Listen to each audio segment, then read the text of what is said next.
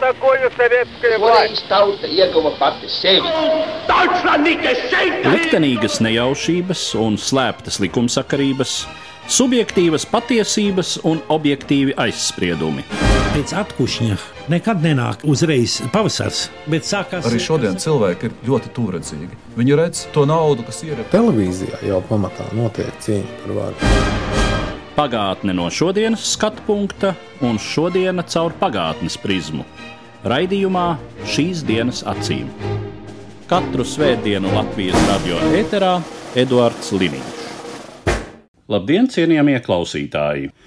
Piemineklis padomju Latvijas un Rīgas atbrīvotājiem no vācu fašistiskajiem iebrucējiem.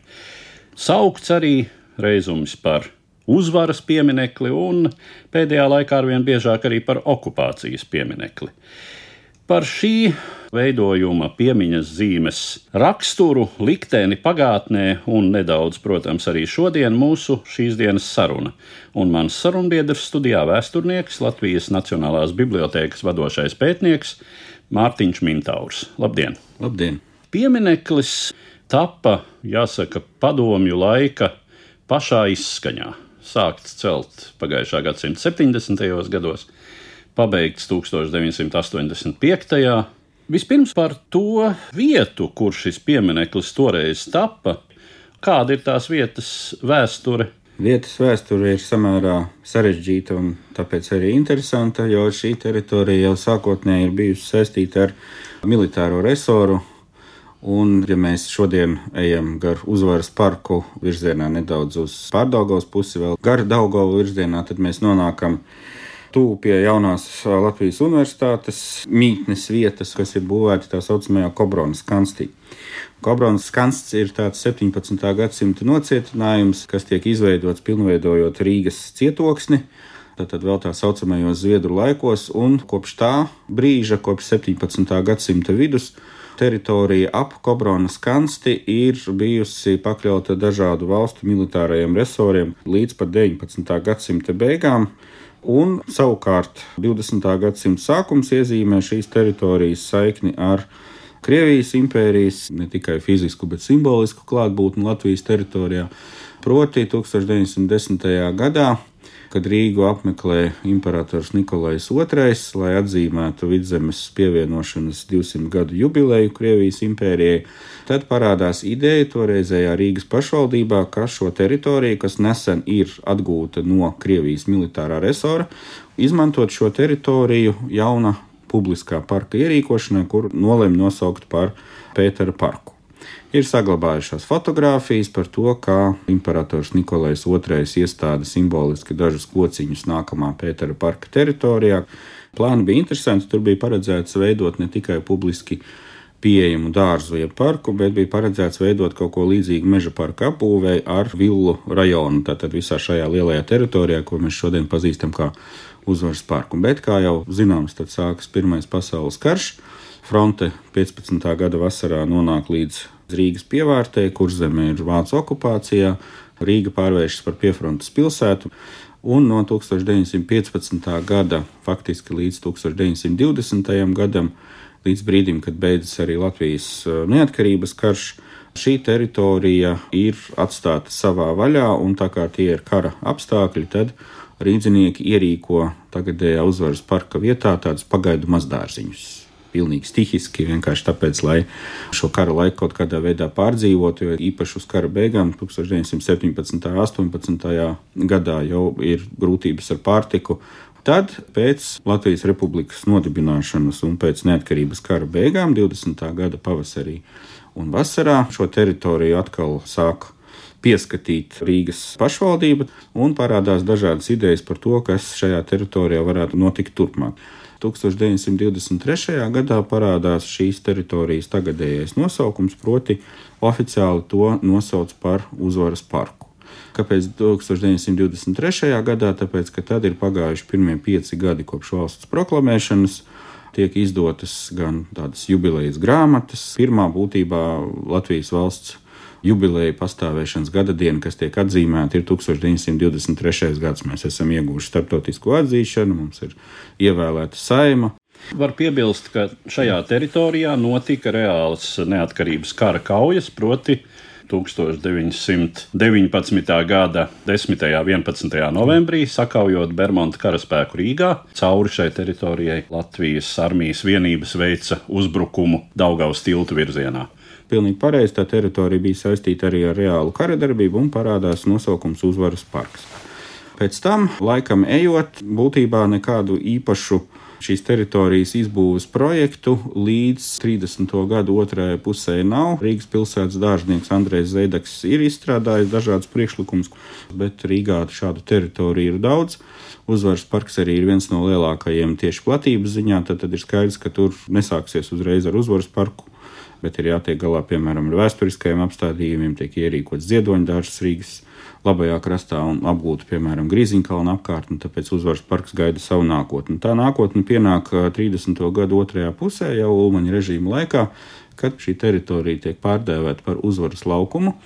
Un tiek organizēts projektu konkurss par to, kāda šī teritorija būs tālāk. Tas ir jau 36. un 37. gads, pēc tam, kad savu ietekmi uz laika biedru domāšanu un estētiskajiem priekšstatiem ir atstājusi Berlīnas Olimpiāde. Un jādomā, ka arī šīs ietekmes dēļ parādās ideja, ka visā lielajā teritorijā varētu ierīkot Olimpisko centru. Ar stadionu, kas pēc dažiem projektu priekšlikumiem būtu pat lielāks nekā Berlīnē, mēs neesam sliktāki. Blakus sporta celtnēm tiek paredzētas arī vēl citas sabiedriskas vai tādas reprezentatīvas celtnes, nu, piemēram, pastāvīgā dziesmu svētku estrāde. Tur notiek arī vēl pagaidu estrādē šajā uzvaras laukumā, 9. vispārējie latviešu dziesmu svētki. Par tiem projektiem mēs varam spriest no tā, ko publicēja tā laika presē, diemžēl, tā oriģinālā dokumentācija 41. gadā sadeg vecrīgā līdz ar daudziem citiem Ulmaņa laika projektiem, kas tolaik jau ir novietoti muzejā. Protams, ka sākoties padomju okupācijai 40. gada vasarā, arī šis uzvaras laukuma projekts tiek būtībā aizmirsts. Tad ir otrais pasaules karš ar atkal tādu atgriešanos pie mazdārziņu estētikas šajā teritorijā. Un tad pienāk jau pēc otrā pasaules kara beigām, 46. gada martā, pēc paraugu prāvas, kurā tiek tiesāti Vācijas armijas virsnieki, un to skaitā arī bijušais augstākais SS un policijas priekšnieks Ostlandē, tad, tad Vācu okupētajās Baltijas valstīs. Friedrichs Jekelns pēc šīs paraugu prāvas tiek vairākas militāra personas, ieskaitot Jekelnu, šajā vietā publiski pakarta, tad izpilda viņiem nāves sodu. Tas ir veids, kā iespējams padomju vara mēģina šo teritoriju kaut kādā veidā iezīmēt, lai gan jāsaka, ka turpmākajos 10, 15 gados nekas ar šo teritoriju īpaši vairs nenotiek. Paliek uz papīra šis uzvaras laukuma apzīmējums, bet eh, tajos 50. gadu Rīgas pilsētas attīstības plānos, kas tiek izstrādāti, netiek līdz galam apstiprināti un tiek pārstrādāti pēc pāris gadiem. Tur šī teritorija, protams, tiek iezīmēta kā parks, bet īpaši nekādu priekšlikumu par tālāko attīstību nav. Un tad ir nākamais pavērsiens, kas ir saistīts jau ar Hruščova valdīšanas laiku un ar šī destaļinizācijas posma vai destaļinizācijas kampaņas augstāko punktu, kas ir 1961. gads, kad notiek Maskavā Padomju Savienības komunistiskās partijas 22. kongress, kurš ir saglabājies vēsturē ar to, ka Pirmkārt, pēc šī kongresa tika nolemts izvākt no mauzoleja Maskavā Staļina mūmiju, Bet vēl svarīgāks bija lēmums, kas tika pieņemts arī kongresā, proti par to, ka tiek uzsākta komunisma celtniecība, oficiāli pasludinot to, ka pašlaik dzīvojošā padomju cilvēku paudze piedzīvos arī komunismu. Ja, tas nosacītais termiņš komunisma atnākšanai Padomju Savienībā ir ap 1980. gadu. Pēc šī kongresa mainās arī šīs teritorijas nosaukums. 60. gadu sākumā parādās tāds apzīmējums kā PSKP 22. kongresa parks. Līdz ar šo nosaukumu maiņu nāk arī dažādi atkal projektu konkursi un idejas par to, ko šajā teritorijā varētu darīt. Šīs idejas paliek lielā mērā uz papīra. Izņemot vienu to pašu sākotnējo līmeni, kas ir saistīts ar parka teritorijas labiekārtošanu, ar Mārupītis gultnes iztīrīšanu un regulēšanu parka teritorijā, tātad tur, kur tagad ir ar Japānas vēstniecības atbalstu iestādītais skaistais sakuru dārzs. Šī teritorija ir 60. gados labi iekārtota līdzināts, pārveidots parka reliefs, bagarēta mārupīte, veidoti dažādi līkumi un pagriezieni, tā lai šī teritorija būtu ainaviski pievilcīga. 69. gadā tiek apstiprināts Rīgas pilsētas attīstības ģenerālais plāns, kur tā tad joprojām paliek šī PSKP 22. kongresa parka teritorija kā apzaļumošanas paraugs kreisajā krastā un kā tāda pārdaugavas viena no centrālajām vietām. Un tad, jau tuvojoties 70. gadu vidum, sākas idejas par to, ka ir nepieciešams atzīmēt 30. gada dienu kopš Padomju Savienības uzvaras Lielajā Tēvijas karā, kā tas tajā laikā tiek saukts. Tad, attiecīgi, arī visas Padomju Savienības līmenī tiek organizēti projektu konkursi, tiek apkopoti priekšlikumi, kā šo gada dienu atzīmēt un kā iemūžināt Padomju Savienības uzvaru attiecīgi memoriālajos kompleksos un dažādos pieminekļos. Un tad arī tiek izsludināts konkurss, kas turpinās līdz 1977. gadam, kur tiek vairākās kārtās izskatīti dažādi arhitektu un tēlnieku priekšlikumi par to, kāds varētu būt uzvarai veltītais monuments Rīgā, un tad arī parādās ideja par to, ka šo monumentu vislabāk varētu novietot tieši uzvaras parkā. Lai cik padomiski mums šodien neizklausītos apzīmējums uzvaras parks un uzvaras bulvāris, tad padomu laikā šie nosaukumi netiek lietoti faktiski līdz tam brīdim, kad tiek pabeigta pieminekļa celtniecība un kad šis monuments 85. gada novembrī tiek atklāts. Acīm redzot, arī tur jau padomu režīmam bija zināmas grūtības ar termiņu ievērošanu, tāpēc ka monumentu atklāja nevis 9. maijā, kā lielākoties citus līdzīgus monumentus vai brāļu kapu ansambļus, kuri 85. gadā tiek pabeigti un atklāti, piemēram, Valmierā vai citās vietās Latvijā, bet Rīgā nepaspēja uz 9. maiju un atklāja 5. novembrī, divas dienas pirms oficiālajiem Lielās oktobra sociāliskās revolūcijas svētkiem. Par šī pieminekļa veidolu un sastatot to ar citiem līdzīgiem veidojumiem kaut kur citur, Padomju Savienībā, varbūt arī Padomju mm. Savienības satelītu valstīs, cik ir tas mērogs, tas arhitektoniskais risinājums. Tas, ko mēs šobrīd redzam uzvaras parkā, ir kompilācija no diviem vai pat trim projektiem, kuri tika iesniegti šajā projekta konkursā 75. un 77. gadā, kas notika vairākās kārtās un beidzās bez pirmās vietas ieguvēja. Tātad žūrija atzīmē, ka ir vairākas interesantas idejas un arī tāda prakse, kas Padomju Savienībā bija izplatīta, ka tad, ja nevar vienoties par pirmās prēmijas vai pirmās vietas ieguvēju, tad uh, tas zālamana lēmums šādos apstākļos ir uzdot autoru kolektīvam sastrādāties, izveidot no diviem vai trim variantiem to gala versiju.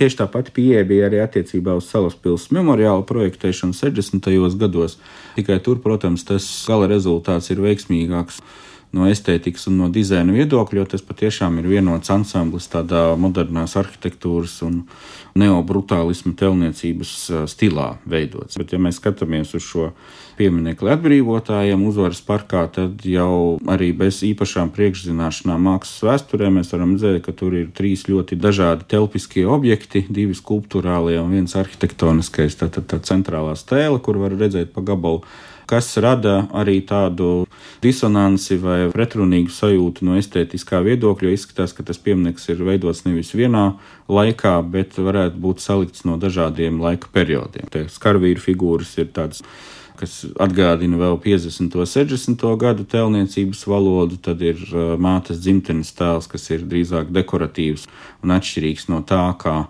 māte dzimteni padomju telniecībā attēloja citās padomju savienības vietās vai arī ārpus padomju savienības Varšavas paktu valstīs. Un tas trešais akcents arhitektoniskais ir šī stēle, kas ir tāds modernās arhitektūras elements visā tajā pretrunīgajā, eklektiskajā kombinācijā. Tas viss kopumā rada diezgan saliktu un eklektisku iespēju. Un tas ir tieši tā iemesla dēļ, ka tad, tad tika uzdots ar direktīvu lēmumu sastrādāties dažādu arhitektonisko un telniecisko koncepciju autoriem, plus vēl arī problēma, kuru savu laiku atspoguļoja Juris Podnieks dokumentālajā filmā ar nosaukumu Veļas īzivs akmeni kas bija veltīti tātad šī pieminiekļa projektēšanas un celtniecības gaitai. Un iekļauta filmā ir intervija ar tēlnieku grupas vadītāju Aivaru Gulbi. Un tur ir tas stāsts par to, kā arī padomju funkcionāriem zināmu apsvērumu dēļ tika likts izmainīt sākotnējo ideju par to, ka sievietei, kas simbolizē dzimteni, uz pleca sēž bērns vai viņa rokās tur bērnu, kas būtu tāds humanisma akcents visā tajā militāri agresīvajā kompozīcijā un kas varbūt izlīdzinātu to pretstatu, kāds tagad ir starp karavīriem ar paceltiem automātiem, kuru tēmē uz sievieti, kas uz viņiem skatās. Un salīdzinot ar to pašu Salaspils memoriālu, tur nav tā vēstījuma slāņa, kas attiecas uz kara upuru piemiņas saglabāšanu vai pieminēšanu. Tas ir tīri kā uzvaras monuments arī būvēts, un tāpēc ar dažu latviešu arhitektu vieglu roku ļoti ātri parādījās ideja par to, ka Tagad, kad ir uzcelts piemineklis 85. gadā, mēs taču varam atjaunot šo nosaukumu uzvaras parks. Oficiāli nekur tādos dokumentos, kaut kādos Rīgas izpildu komitejas papīros tas nav ierakstīts, bet tas ir nopublicēts tā laika presē un, profesionālajos eh, rakstu krājumos, ko izdod Rīgas Politiskais institūts 87. gadā. Redz, cik labi veidojas tas stāsts, acīm redzot, tas pieminieks tik problemātisks, ka kaut kas ir jādara, lai sabiedrība pie tā pieradinātu. Tas taču ir uzvaras parks, vēsturiski ir bijis. Tad, tad mēs varam atgriezties pie nosaukuma uzvaras parks, tad, kad tur ir uzbūvēts šis piemineklis. Ja mēs mēģinātu salīdzināt ar to, kā izskatās līdzīgi ideoloģiskie pieminekļi citās PSRS republikās, tad kaut kādā mērā tas ir varbūt modernāks par to, kas tiek būvēts citur, jo Baltkrievijā, Minskas centrā, piemēram, ir arī tas uzvaras obelisks, kas jau 50. gados, 50. gadu sākumā, kad pilsēta tiek atjaunota, tad arī tur centrālajā laukumā uzbūvē tādu klasisku obelisku ar zvaigzni galā. Kijevā, tolaik arī 80. gadu sākumā tiek uzbūvēts tāds monumentāls piemineklis un ansamblis, kas tolaik tiek uzskatīts par lielāko Eiropā pēc platības arī ar šo mātes dzimtenes tēlu, kas ir uh, sieviete ar vairogu un zobenu rokā un kas stāv virs Kievas. Tad, tad atgādina par šo uzvaru karā. Redzēsim, kas notiks ar šo objektu tagadējos apstākļos tā pieminiekļa atklāšana lielā mērā sakrīt ar Padomju Savienības sabrukuma sākumu. Mm, tas pēdējais akords. Jā. Jā. 85. gada rudens, pēc tam jau viss sāk mainīties. Tad ir Černobiļas katastrofa 86. gada pavasarī, un tad tas ritenis sāk vēlties no kalna lejā. Kad eh, Latvija atjauno savu neatkarību, tā tad ir virkne šo padomi laika pieminekļu, kuri tiek likvidēti. Un tādi ir visai konsekventi Leņķina pieminekļi, kas bija galvenā zīme padomju varas klātbūtnei attiecīgajā vietā. Tā tad bija pat princips, ka nevienā daudz maz ievērojamā apdzīvotā vietā nedrīkstēja uzstādīt citus pieminekļus, iekams tur nebija Leņķina piemineklis. Katrā ziņā manā atmiņā ir stāsts par gribētu pieminekli Krišjānam Valdemāram Salatsgrīvā, kuru ilgi nevarēja īstenot, jo nebija tur vēl Leņķina pieminekļa. Nu, sākot no rajona centra līmeņa, tad, tad pilsēta, kas skaitījās rajona centrs, protams, ka bija jābūt uh, Leņķina piemineklim, kas ir tāds pats padomju valsts simbols, kā bija, piemēram, PSRS ģērbons vai karogs. Leņķina portrets bija uz, uz, uz naudas zīmēm, un tāpēc samērā likumsakarīgi, ka beidzoties režīmam šie Leņķinekļi vai Leņķina pieminekļi pazuda pilnīgi, var teikt, automātiski. Tas būtiskais jautājums ir ne tikai runājot par šo pieminekli, bet par visiem ar sarkanās armijas kaujas darbību saistītajiem pieminekļiem šeit, Latvijā. Kāpēc laikā, kad tiek novākti leņķinekļi un daži citi, kā Stučkas piemineklis, šie ar Otro pasaules karu saistītie pieminekļi paliek savā vietā? Tur ir vairāk iemesli, tad ir jāpaskatās, kā viss šī vēsturiskās topogrāfijas atjaunošana, gan vietvārdu atjaunošana, gan arī piemiņas zīmju atjaunošana sākas. Vēl padomju varēja esot 89. un 90. gadā, tad, tad ar 89. un 90. gadu sākas pieminiekļu atjaunošanas kustība, kas ir saistīta gan ar brīvības cīņu, jeb neatkarības kara pieminekļu sakopšanu, atbrīvošanu no dažādiem priekšā aizstādītiem kokiem, krūmiem un tam līdzīgām lietām, kas tika darīts padomu laikā, lai nomaskētu šos brīvības cīņu pieminekļus. Un, manuprāt, tas ir pirmais iemesls, kāpēc šos sarkanās armijas pieminekļus tajā laikā neaiztiek. ir tas, ka prioritāte ir atgūt to vēstures daļu, kas vēl ir uz vietas, bet kas ir tā kā noslēpta padomju režīma laikā, tad nākamais solis ir piemiņas zīmes leģionāriem un nacionālajiem partizāniem, kurus arī sāk uzstādīt 90. un 91. gadā, kam seko reakcija, acīm redzot, no padomju režīma atbalstītāju puses. Visticamāk, ka tas notiek ar Baltijas kara apgabalu ziņu, kad sāk spridzināt šos piemiņas akmeņus. Tas ir jau 90. gada beigās novembrī, decembrī, īsi pirms 91. gada janvāra barikādēm, visām akcijām, kur mēģina pagriezt šo kustību pretējā virzienā, arī, protams, ne tikai ar komunistiskās partijas, bet ar Baltijas kara apgabalu ziņu.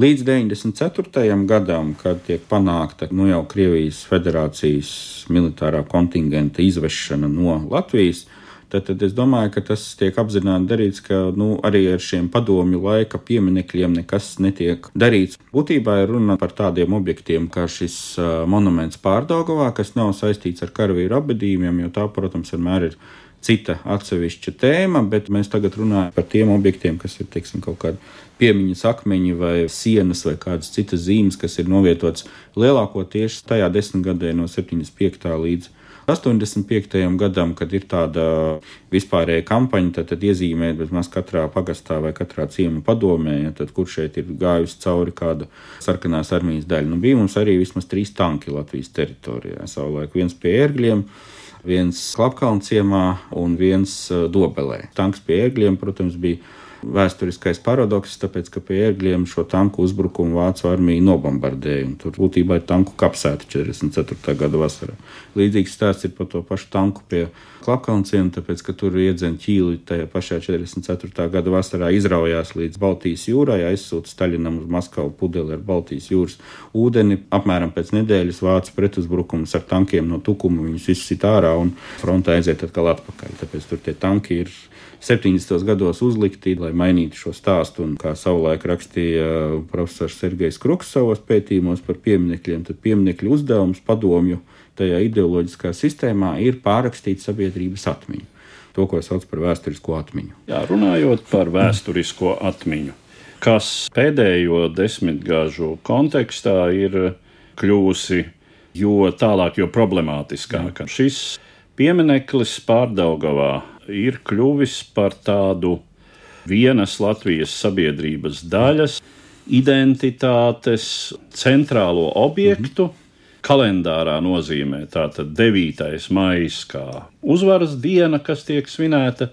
Kas ir tie būtiskie iemesli, kāpēc tieši šis piemineklis, tieši šī diena un vispār, teiksim, visa šī otrā pasaules kara dēvēta šajā sabiedrības daļā joprojām par lielo tēvijas karu tematika. Tāpēc, ka šī padomju ideoloģijas daļa, kas bija saistīta ar Otrā pasaules kara, viņu terminoloģijā ar, ar lielā tēvijas kara un uzvaras izcelšanu un glorifikāciju, bija laikam tas retais gadījums padomju ideoloģijas praksē, ka tas iesakņojās lielā padomju cilvēku skaita apziņā, un vismaz tajā sabiedrības daļā, ja mēs runājam par bijušo padomu savienību, kurām nebija pretējas vēsturiskās atmiņas, kā tas bija Baltijā par padomju okupāciju pirms 41. gada. Tad, tad tas bija viens no tiem veiksmes stāstiem padomju propagandā un ideoloģijā iekšpolitiskai lietošanai, kas patiešām nodrošināja kaut kādu kopējo sajūtu un kopējos rituālus, kur varēja vienot teritoriju no Kamčatkas līdz Maskavai vai līdz Pleskavai. Šī kampaņa par lielo tēvijas karu un uzvaras svinēšanu no 9. maija kā valsts svētkiem sākas ar 1965. gadu, kad arī acīm redzot, saprotot, ka komunisma ideja ir pārāk abstrakta un vajadzēja dot kaut ko reālu, tādu vienojošu stāstu, kas varētu teikt, ka mēs taču visi cīnījāmies lielajā tēvijas karā, mēs uzvarējām fašistisko Vāciju, ja, tad, tad mums visiem ir kaut kas kopīgs, un šīs kopīgās traģiskās pieredzes uzbūvēt tādu stāstu, kas tur kopā padomju sabiedrību.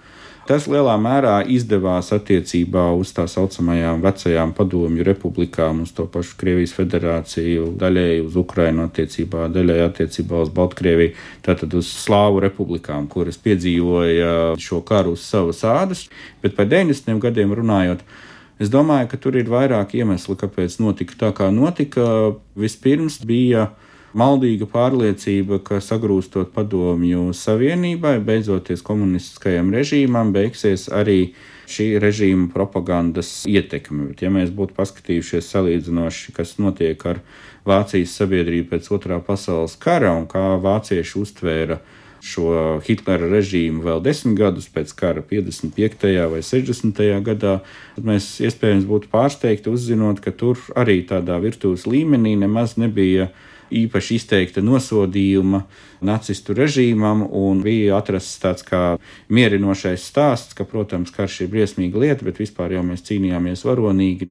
Teiksim, nebija sabiedrībā tāda nosodījuma nacistu režīmam vēl apmēram 20 gadus pēc kara. Tas sākas kaut kur pēc 65 gada, 68. gada studentu nemieri 70. gados Vācijas Federatīvā republikā sākas diskusijas, un 80. gados nikni turpinās par to, kas tad īsti bija nacistu režīms un kā pati sabiedrība ir atbildīga par šo režīmu.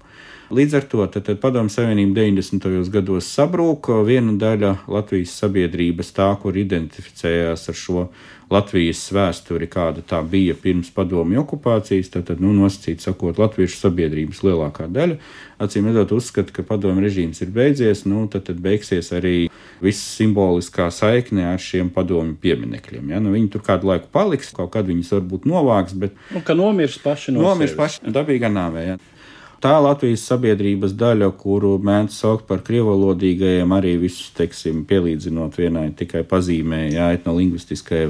Kāpēc šī sabiedrības daļa identificējās joprojām ar padomu propagandas stāstu? Acīm redzot, tas liecina tikai par to, ka tā bija padomu propagandas veiksmīgākā daļa kura izmantoja, protams, to, ka daudziem PSRS iedzīvotājiem ģimenes vēsturē šis otrais pasaules karš vai lielais tēvijas karš bija realitāte. Es pat nezinu, šķiet, ka Latvijā īpaši nav pētīts šis jautājums, kā veidojās šī krievalodīgās sabiedrības daļa identifikācija ar 9. maiju un ar uh, objektu pārdaugavā. Tur ir piemiņa par savas dzimtas vai ģimenes pārstāvjiem, kuri karoja vai kuri aizgāja bojā, krita frontē. Tur ir, protams, ļoti pamatīgs un labi iestrādāts slānis ar imperialistisko pasaules uztveri, vienalga vai tā ir mūsdienās restartēta Putina variantā, kā Krievijas impērija kaut kādā versijā 2.0 vai 3.0, bet kas lielā mērā balstās uz šo stāstu, ka Krievijas federācija ir PSRS mantiniece un tai pienākas visa atzinība un gods viņu uztverē par dalību Otrajā pasaules karā un uzvaru pār Vāciju. Un tāpēc tajā sabiedrības daļā, kas ar to identificējas, ir gan piemiņa par savas dzimtas pārstāvjiem, gan arī lielvalstiskais lepnums un imperiālismu sajūta par to, ka prieks piederēt lielvalstī un impērijai, kur, ja gribēs, tad parādīs visiem kuģis māti, kā teica Hruščovs, jau 60. gadu. Noslēdzot mūsu sarunu, puslīdz ir skaidrs, kas ar šo pieminekli notiks tas savu pastāvēšanu beigs, novācot šo pieminekli kā konkrēto simbolu, kā apzīmējumu, kā zīmi. Arī citus līdzīgus veidojumus, kas vēl šur tur Latvijā pastāv. Kas notiks ar pašu šo apziņu, kuru šī zīme ir iemiesojusi un savukārt visas šīs desmitgades konsolidējusi? Es domāju, ka apziņa nemainīsies tik ātri, kā to varbūt cer sagaidīt tā sabiedrības daļa, kur ļoti aktīvi iestājas gan par šī pārdagos objektu novākšanu, gan par citu tam līdzīgu objektu novākšanu. Vienam iemeslam dēļ, ja tas nenotika aizvadītajos 30 gados, tad mums ir jāpagaida vēl daži gadi vai gadu desmiti, lai izmainītos tāda lieta kā cilvēka apziņa. Protams, ir viss skaidrs par kontekstu, kāpēc tas notiek šobrīd un kāpēc tas notiek tik aktīvi. Kara apstākļos tas ir pilnīgi saprotams, bet es domāju, ka būtu maldīgi cerēt, citējot klasiķi, ka apziņa mainīsies tikai tāpēc, ka mēs novāksim šos padomju režīmu simbolus, kuri jau ir nostāvējuši 30 gadus kopš valsts neatkarības atjaunošanas. Tad tie tika aktivizēti no jauna pateicoties Putina propagandas kampaņām un vispirms vārdiskajam karam ar rietumiem, un tagad jau arī reālajam karam ar, ar to, ko viņi sauc par rietumiem un kā viņi to uztver. Līdz ar to es domāju, ka sabiedrības apziņa tik ātri nemainīsies, un man negribētos piedzīvot situāciju, kad mēs nākamajā dienā pēc pārdaugovas objektu nojaukšanas atvieglot nopūtīsimies un teiksim, nu tad padomju okupācija vienreiz ir beigusies, mūs vairs neinteresē viss, kas ar to ir saistīts, un atliksim tur kaut kādas lustrācijas un citas pārunas par šo tēmu. Mēs savu esam izdarījuši, pieminieklis ir novākts, viss ir beidzies. Es domāju, ka tas nebeigsies ar to brīdi, kad tiks novākts tā saucamais uzvaras piemineklis pārdaugovā. Ar tādu secinājumu tad es arī noslēdzu mūsu šodienas raidījumu. Mm un saku paldies manam sarunbiedram, vēsturniekam, Latvijas Nacionālās Bibliotēkas vadošajam pētniekam Mārtiņam Mintauram. Paldies! Katru svētdienu Latvijas radio viens par pagātni sarunājas Eduards Līniju.